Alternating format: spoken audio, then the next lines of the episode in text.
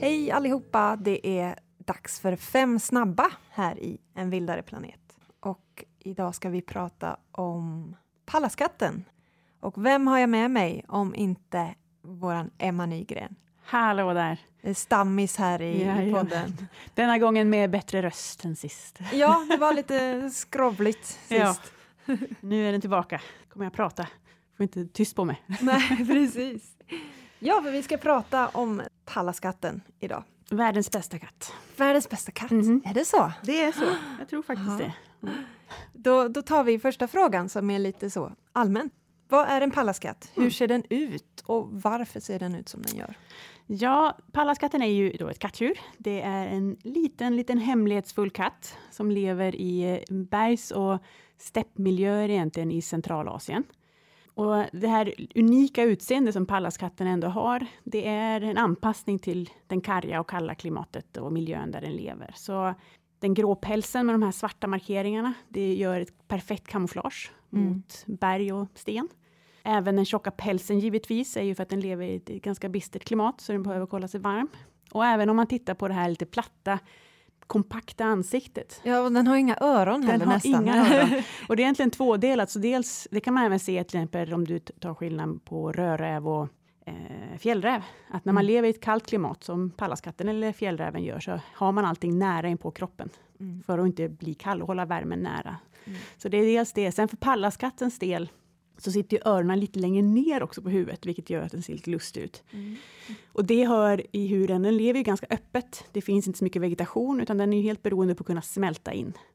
Så till exempel när den jagar så ska den kunna lyfta upp huvudet ovanför, eller från en sten.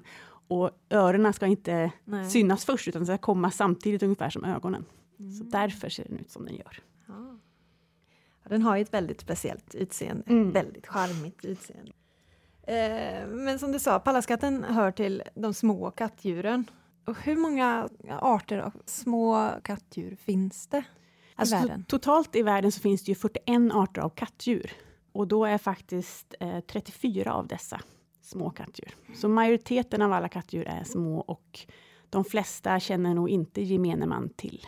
Nej, man, man känner till de här stora kattdjuren som lejon och tigrar, men det finns jättemånga. Exakt. Ja, jättemånga små udda, speciellt i tropiska länder. Som eh, rostfläckig katt eller andiskatt eller eh, ja, vad har vi mer för fiskarkatt. Ja. Och de har ju alla sina säregna utseenden också. Det, Ja, de ser inte likadana ut bara för att de är små katter. nej verkligen inte, utan det är många som har specialanpassningar till den klimat de lever. Räknas vårt lodjur förresten, nu tar vi en liten bonusfråga här, räknas den som ett litet kattdjur eller ett stort? Ja, det gör den faktiskt. Så att bara för att man säger ett små kattdjur så behöver de inte alltid vara jätte... Så puman till exempel, som också är en ganska, är en ganska stor katt, den är också ett eh, klassas till små kattdjur. Mm. Eh, och även gepard. Mm.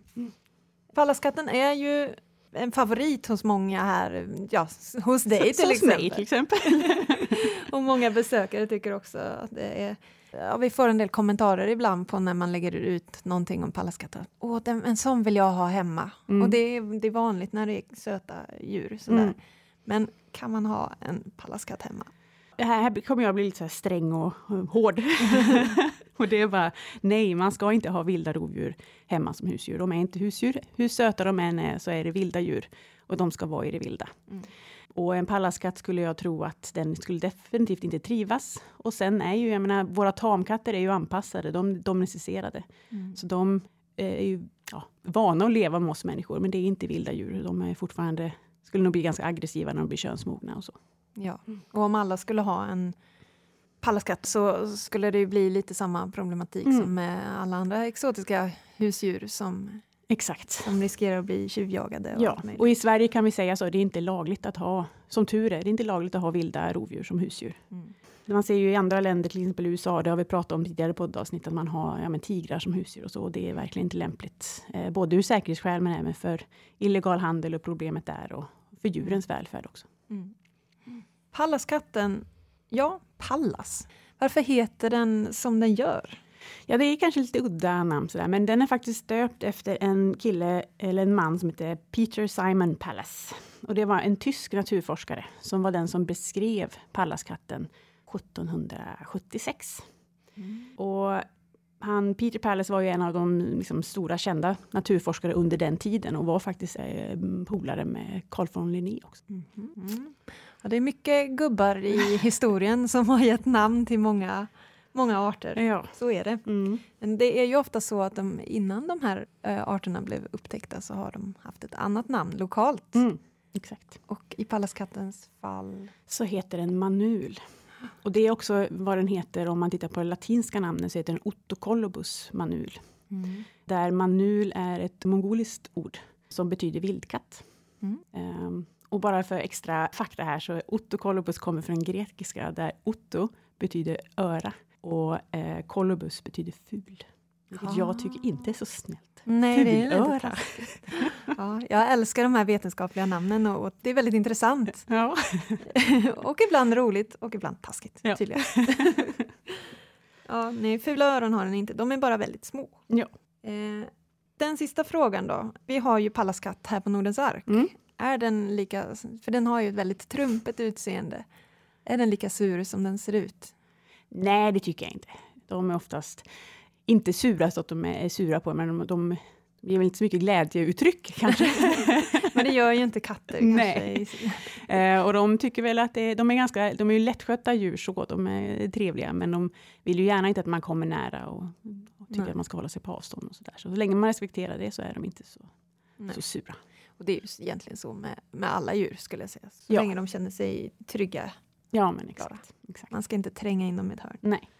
Ja, Mm. det var våra fem frågor. Det var fem snabba, det gick snabbt. Ja, det är det som är syftet. Men eh, då hoppas vi att ni där ute har lärt er någonting nytt idag. Jag lärde mig om fulörat. det visste inte jag.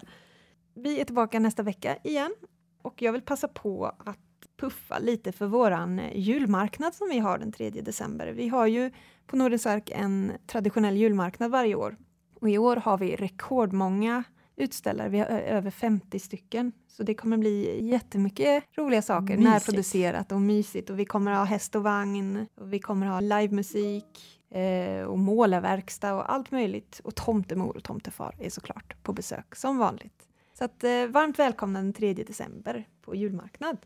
Eh, och som sagt, vi hörs nästa vecka och tack så mycket för idag, Emma. Tack så mycket. På återseende!